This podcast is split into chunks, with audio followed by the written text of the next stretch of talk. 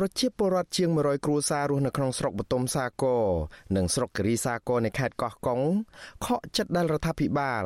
អសមត្ថភាពនៅក្នុងការស្វែងរកយុត្តិធម៌ជូនពួកគាត់ដែលមានទំនាស់ដីធ្លីជាមួយក្រុមហ៊ុនចិនអូសបន្លាយពេលជាង12ឆ្នាំមកហើយនេះពួកគាត់ត្អូញត្អែថាវិវាទដីធ្លីដ៏រ៉ាំរ៉ៃនេះកំពុងតែធ្វើឲ្យប៉ះពាល់ដល់ប្រព័ន្ធសេដ្ឋកិច្ចគ្រួសារកុមារដែលជាកូនកូនរបស់ពួកគាត់កាន់តែច្រើនបោះបង់ការសិក្សា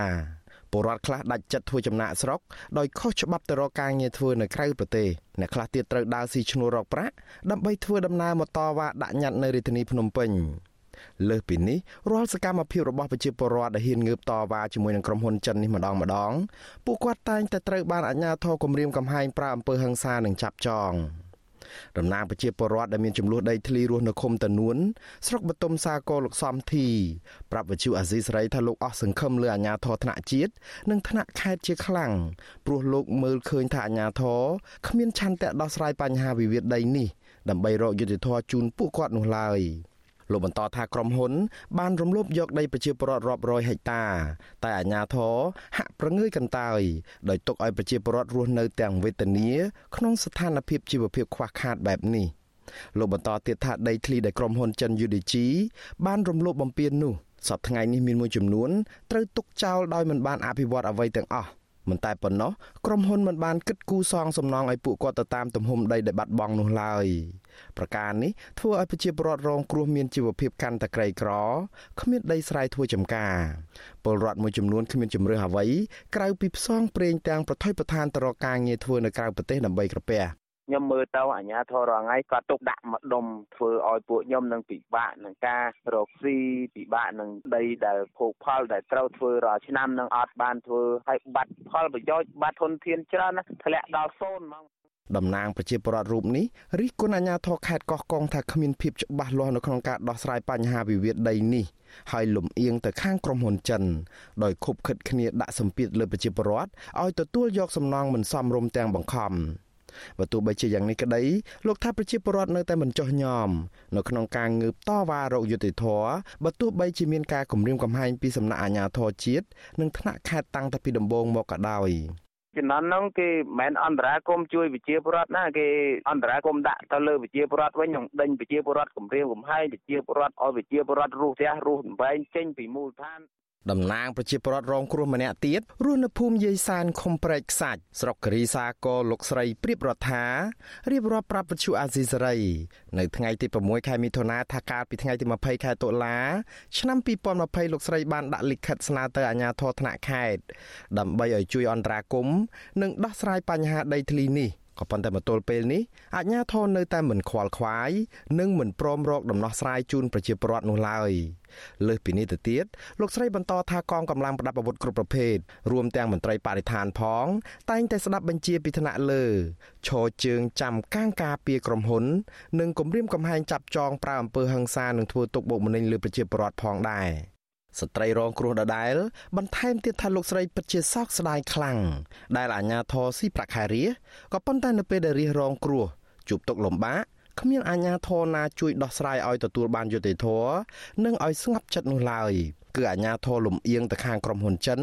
និងកាងការពារក្រុមហ៊ុនចិនដោយមិនខ្វល់ពីប្រជាពលរដ្ឋដែលរងគ្រោះនិងស្រែកដង្ហោយឲ្យជួយដោះស្រាយ គាត់គួរណាគាត់តែខ្វាយខ្វល់ដុតដៃដុតជើងជួយដោះស្រាយឲ្យប្រជាពលរដ្ឋតែគាត់មិនដោះស្រាយមិនអើពើជាមួយនឹងប្រជាពលរដ្ឋដែលជាគាត់ដេញពួកយើងទិញណាត់ទិញណែងហើយគាត់ឲ្យយើងរងចាំវត្តជូអាស៊ីសេរីបានព្យាយាមតាក់ទងសុំការបំភ្លឺរឿងនេះពីអភិបាលខេត្តកោះកុងអ្នកស្រីមិថុនាភូថងអភិបាលស្រុកបតុមសាគរលោកហាក់លេង និងមន្ត្រីមួយចំនួនទៀតដែរក៏ប៉ុន្តែទូរស័ព្ទចូលជាច្រើនដងពុំមានអ្នកទទួល ចំណែកឯប្រធានអង្គភិបអ្នកណែនាំពីរដ្ឋាភិបាលលោកផៃស៊ីផានសុំមិនបកស្រាយជុំរឿងនេះដោយលោកលើកឡើងថារឿងនេះគ្មានមូលដ្ឋានច្បាស់លាស់ខ្ញុំពាក់ឈ្មោះ ប្រាប់ទូរស័ព្ទមកខ្ញុំឲ្យភ្នាក់ងារខ្ញុំចុះទៅមានរឿងគេតែអត់បាយឬអត់មានមានឬអត់មែនតែនប៉ុន្តែបើគាត់អត់យើងជួយគាត់ព្រោះថាគាត់អត់មានងាប់ទាំងអស់គ្នាងាប់តែអ្នកធ្វើព័ត៌មានងាប់ទាំងនេះហើយសមត្ថភាពស្អីអត់ព័ត៌មានអញ្ចឹងអត់អត់ឆ្លើយទេតលប្រាប់ឈ្មោះប្រាប់អីមកខ្ញុំដើម្បីធ្វើត្រួតពិនិត្យបើសិនណាហើយបើសិនជារឿងនេះវាកើតឡើងមែនក្រុមហ៊ុនហ្នឹងត្រូវដកដៃចេញពីខ្វៀលដីហ្នឹងឲ្យគេឬមួយទិញគេអានេះជាច្បាប់ ក៏ប៉ុន្តែមេឃុំតនួនលោកវាំងវរៈបកស្រាយប្រាប់វិទ្យុអាស៊ីសេរីយ៉ាងខ្លីថាអាញាធរថ្នាក់ខេត្តនិងស្រុកគាំទ្រលើប្រជាពលរដ្ឋទាំងស្រុងនៅក្នុងការដោះស្រាយវិវាទដីធ្លីនេះលោកថាកន្លងមកអាញាធរមូលដ្ឋាន បានព្យាយាមជួយសម្របសម្រួលជូនប្រជាពលរដ្ឋដែរក៏ប៉ុន្តែថ្នាក់ខេត្តមិនទាន់សម្រេចបានព្រោះសំអាងថាមានបញ្ហាបច្ចេកទេសការដោះស្រាយគឺជាយាមនៃការដោះស្រាយជូនពលរដ្ឋណាបាទមួយរយៈកន្លងមកហ្នឹងតែគាត់ថាហើយ ការងារមួយចំនួនដូចជាថ្នាក់មូលដ្ឋានយើងវាសម្រាប់វាអត់បានអញ្ចឹងណាបងដោយសារវាការងារតាមកម្រិតអញ្ចឹងណាតើតើនឹងករណីនេះដែរអ្នកសម្របសម្រួលអង្គការលីកាដូប្រចាំខេត្តកោះកុងលោកហួអ៊ីនបានឲ្យដឹងថាចំនួនដីធ្លីនេះអូសបន្លាយពេលដោយសារតែអាជ្ញាធរភៀកច្រើន លំអៀងទៅខាងក្រុមហ៊ុនចិនដោយមិនបានគិតគូរពីផលប៉ះពាល់ដល់ជីវភាពរបស់ប្រជាពលរដ្ឋគឺគិតតែពីផលប្រយោជន៍ជូនក្រុមហ៊ុន លើសពីនេះទៅទៀតលោកសង្កេតឃើញថាការធ្វើទុកបុកម្នេញប្រើហិង្សាលើប្រជាពលរដ្ឋស្លូតត្រង់ជាពិសេសលើស្ត្រីកន្លងទៅនេះបានបង្ហាញអំពីការរំលោភសិទ្ធិមនុស្សធ្ងន់ធ្ងរហើយលោកសោកស្ដាយចំពោះរដ្ឋាភិបាលដែលមិនបានរកយុត្តិធម៌ជូនប្រជាពលរដ្ឋរងគ្រោះទាំងអស់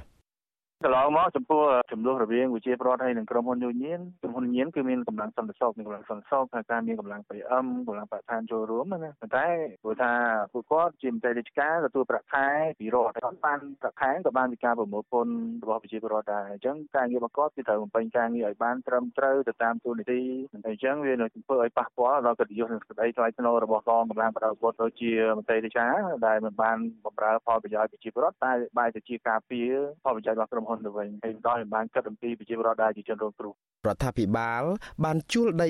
36000ហិកតានៅក្នុងឆ្នាំ2008ឲ្យក្រុមហ៊ុនចិន Unichi នេះដើម្បីធ្វើជាតំបន់ទេសចរនិងពាណិជ្ជកម្មគម្រោងនេះរួមមានការសាងសង់ពលានយន្តហោះនិងទីលានវាយកូនហ្គោលដែលនឹងចំណាយប្រាក់ប្រមាណ5000លានដុល្លារកាលពីឆ្នាំ2011រដ្ឋាភិបាលបានជួលដីបន្ថែមប្រមាណ9000ហិកតាទៀតឲ្យក្រុមហ៊ុននេះ។ ប្រជាពលរដ្ឋនិងមន្ត្រីសង្គមស៊ីវិលអះអាងថាគម្រោងវិនិយោគខ្នាតធំមួយនេះធ្វើឲ្យប្រជាពលរដ្ឋរាប់ពាន់គ្រួសាររងទុក្ខវេទនាដោយសារតែក្រុមហ៊ុនចិនបានកំទេចផ្ទះសម្បែងនិងបំផ្លាញផលដំណាំរបស់ប្រជាពលរដ្ឋទាំងគ្មានសំណងជាមុនព្រមទាំងបំផ្លាញបរិស្ថានផង។ ចំណែកឯក្រុមប្រជាពលរដ្ឋដែលរងគ្រោះដោយសារចំនួនដីធ្លីនេះវិញពួកគាត់នៅតែបន្តតវ៉ាហើយអះអាងថាពួកគាត់គ្មានចង់បានអ្វីក្រៅពីសំណងសមរម្យតាមតម្លៃទីផ្សារនោះឡើយពួកគាត់ទាមទាររដ្ឋាភិបាលធ្វើជាអាជ្ញាកណ្ដាលនៅក្នុងការដោះស្រាយចំនួនដីធ្លីជាមួយនឹងក្រុមហ៊ុនចិននេះដោយយុត្តិធម៌បើពុំនោះទេពួកគាត់មិនបោះបង់ចោលការតស៊ូទាមទារសិទ្ធិដីធ្លីរបស់ពួកគាត់ឡើយព្រោះដីធ្លីនេះគឺជាអាយុជីវិតរបស់ពួកគាត់